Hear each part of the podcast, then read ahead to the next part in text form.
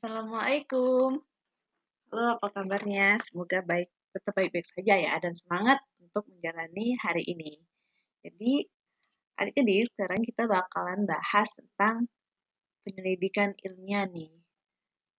Kalian pernah pernah nggak sih berpikir kenapa sih para ilmuwan dapat menemukan teori atau hukum dalam ilmu pengetahuan?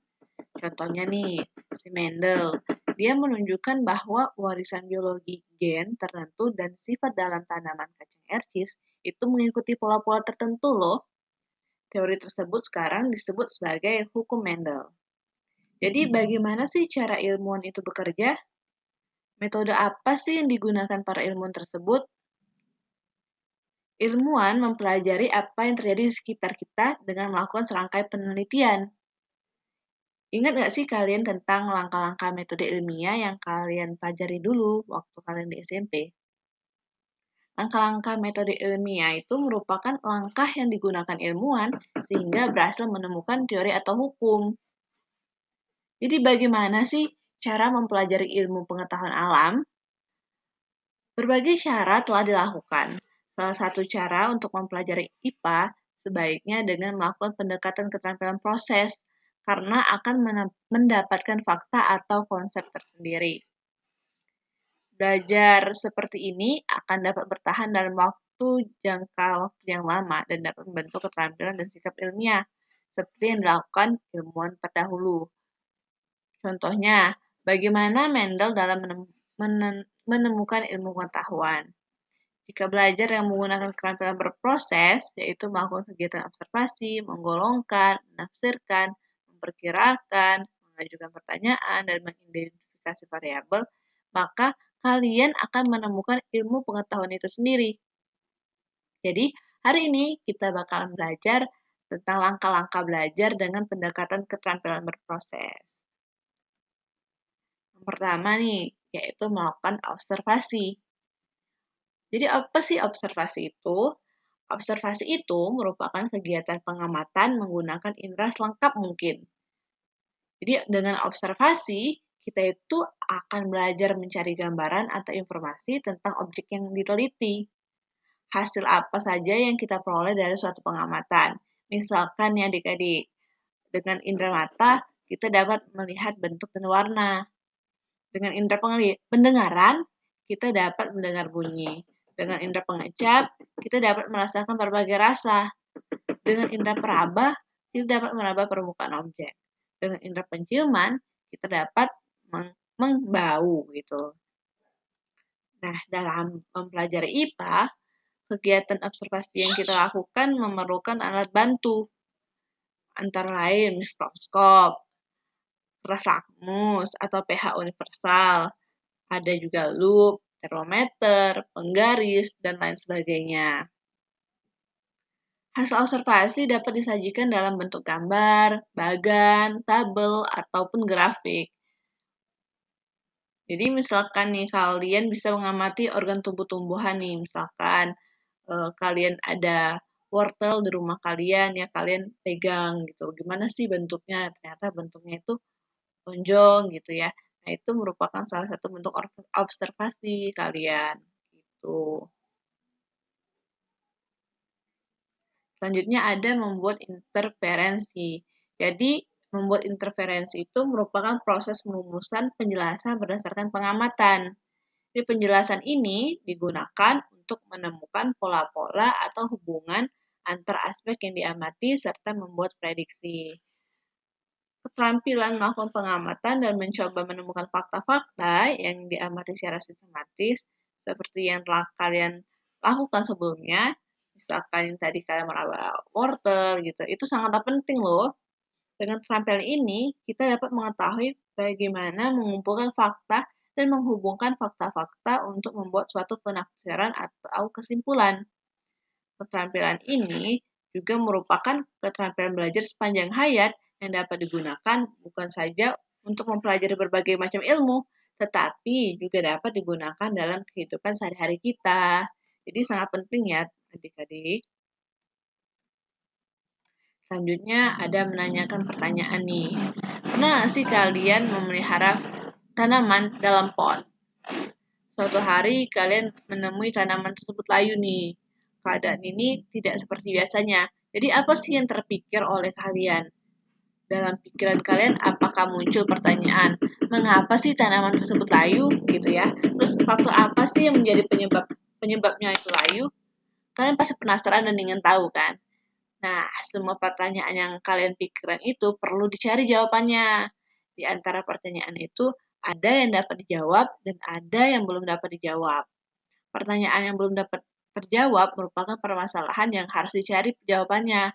Misalnya, dengan cara membaca laporan-laporan dari penemuan sebelumnya, atau dapat juga dengan melakukan eksperimen untuk menemukan jawaban tersebut. Lalu selanjutnya nih, ada memprediksi.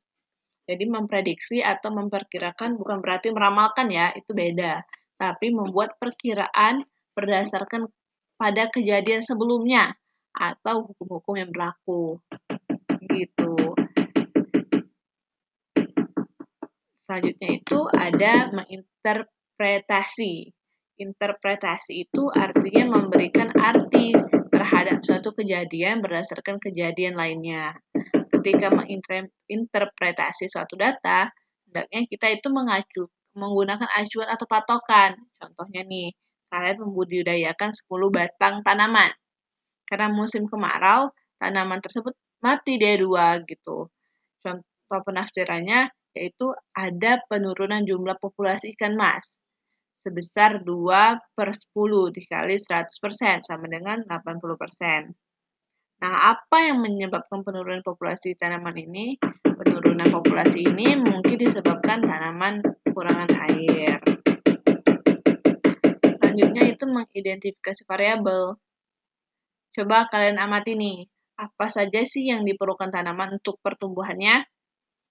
Tentu kalian mengetahui bahwa bahwa pertumbuhan tanaman salah satunya membutuhkan tanah sebagai habitat tumbuhnya yang ditunjang dengan hara sebagai nutrisi tumbuhan, pH, cahaya, air, dan suhu.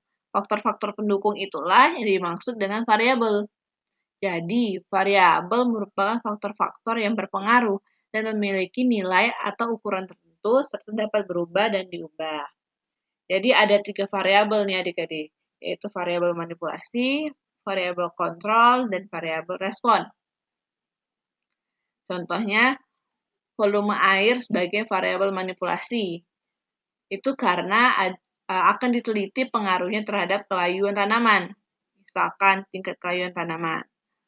Variabel manipulasi ini adalah variabel faktor yang dapat diubah dan dibuat bervariasi gitu. Jadi bisa diubah dan bisa dibuat bervariasi ya adik-adik. Lalu adapun faktor seperti cahaya, suhu, dan hara itu merupakan variabel kontrol, yaitu faktor lain yang ikut berpengaruh tapi dibuat sama serta terkendali. Jadi dia itu dibuat sama untuk fungsinya untuk mengontrol gitu.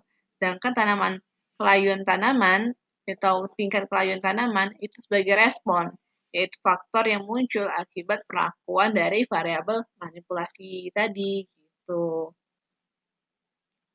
Nah, tadi kan kalian udah uh, belajar nih tentang pendekatan keterampilan proses. Maka selanjutnya adalah uh, eksperimen. Jadi eksperimen, eksperimen merupakan kegiatan melalui tata cara tertentu yang biasa dilakukan oleh para ilmuwan dengan tujuan untuk memecahkan masalah atau menemukan jawaban terhadap suatu permasalahan. Samakah cara yang dilakukan para ilmuwan untuk memecahkan suatu masalah? Sama nggak nih? Sama nggak nih? Ada beberapa indikator atau petunjuk untuk menyelesaikan suatu masalah dalam pembelajaran IPA. Apa saja sih indikator yang tersebut? Ya, kita akan bahas. Jadi, e, berarti sains itu biasanya menekankan pada pengamatan, rasional analisis, dan eksperimen ya adik-adik. Pada abad ke-16, Galileo dan filsuf dari Inggris, yaitu Francis Bacon, merupakan ilmuwan pertama yang memformulasikan metode utama untuk melakukan sains apa yang mereka rancang dan dikerjakan yaitu dikenal dengan metode ilmiah. Mungkin kalian nggak asing lagi dengan metode ilmiah ini ya. Nah, beberapa indikator yang dipakai untuk memecahkan masalah adalah yang pertama, mengamati gejala-gejala dan kejadian alam di lingkungan. Yang kedua, mengajukan pertanyaan atau masalah. Yang ketiga, merumuskan hipotesis atau dugaan untuk menjawab pertanyaan atau atau masalah.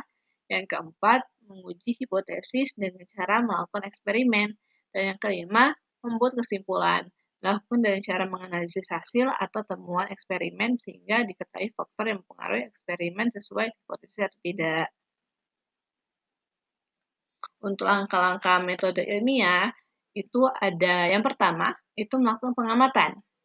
Jadi, pengamatan yang dilakukan pada suatu objek atau gejala akan didapatkan sebagai fakta dari data nih adik-adik. Dari fakta tersebut akan menimbulkan suatu permasalahan. Contohnya nih, kalian ingin mencoba pengaruh volume air terhadap tingkat kelayuan tumbuhan. Perubahan kondisi yang akan diteliti adalah tingkat kelayuan tumbuhan.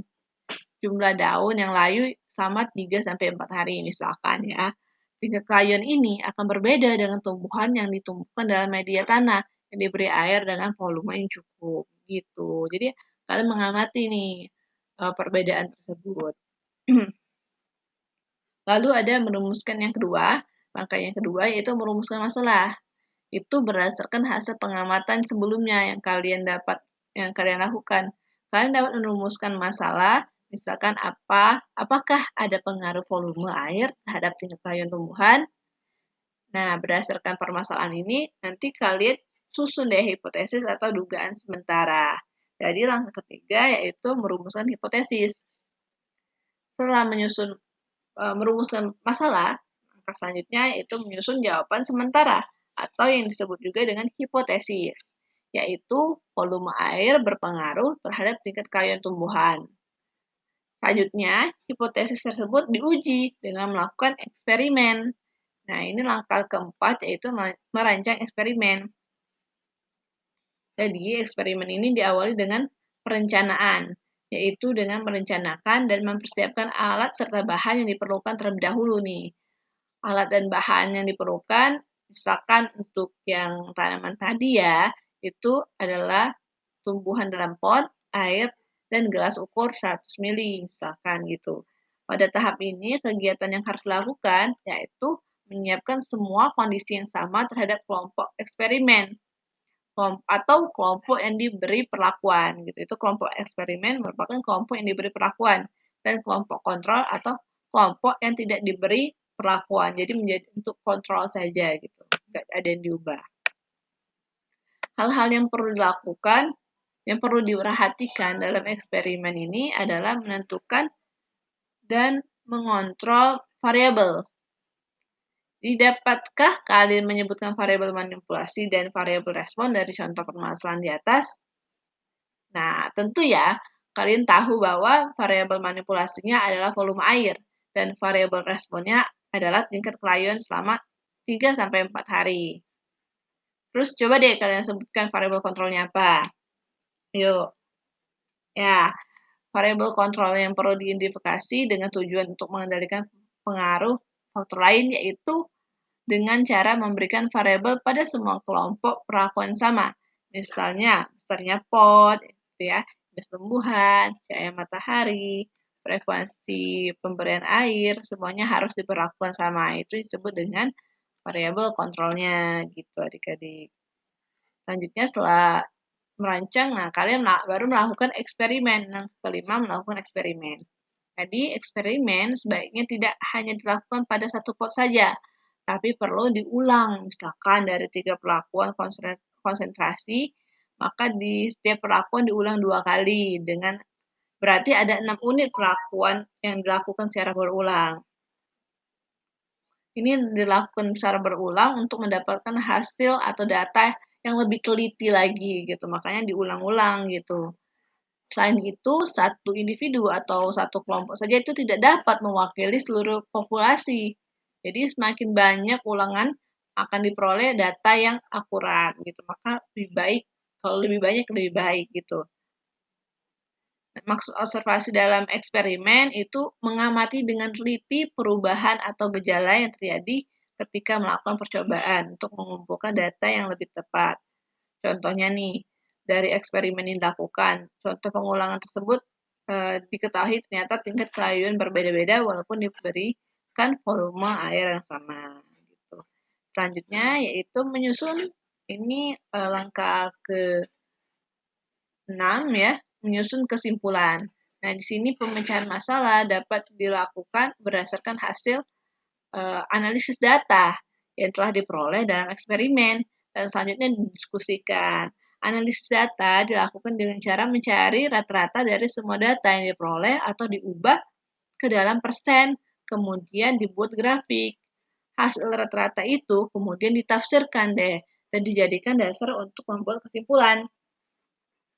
Kesimpulan diperoleh berdasarkan hasil analisis data eksperimen. Kemungkinan kesimpulan pertama, hipotesis ditolak, ditolak jika dugaan sementaranya tidak sesuai dengan hasil eksperimen. Apabila hipotesis diterima, berarti dugaan sementara sesuai dengan hasil eksperimen. Jadi nanti kalian sesuaikan nih dengan dugaan sementara kalian sebelumnya, apakah sama nggak nih dengan hasil analisis data eksperimen. Kalau misalnya sama, berarti hipotesis kalian diterima. Kalau beda, berarti hipotesis kalian ditolak gitu. Jadi, mana sih hasil eksperimen yang baik jika hipotesis tolak atau diterima? Jadi, adik-adik, semua hasil eksperimen dikatakan baik jika dilakukan dengan prosedur secara ilmiah. Setelah kalian mengetahui perencanaan, pemecahan masalah melalui metode ilmiah, bandingkan nih dengan angka-angka metode, melalui metode ilmiah yang dilakukan eh, oleh ilmuwan terdahulu. Oke, sepertinya untuk kali ini nih ya adik-adik, cukup sampai di sini bagian pendidikan ilmiah. Nanti selanjutnya kita bakal lanjut lagi. Jadi, uh, tungguin, jangan lupa untuk buka poparanya ya. Semangat terus. Wassalamualaikum warahmatullahi wabarakatuh.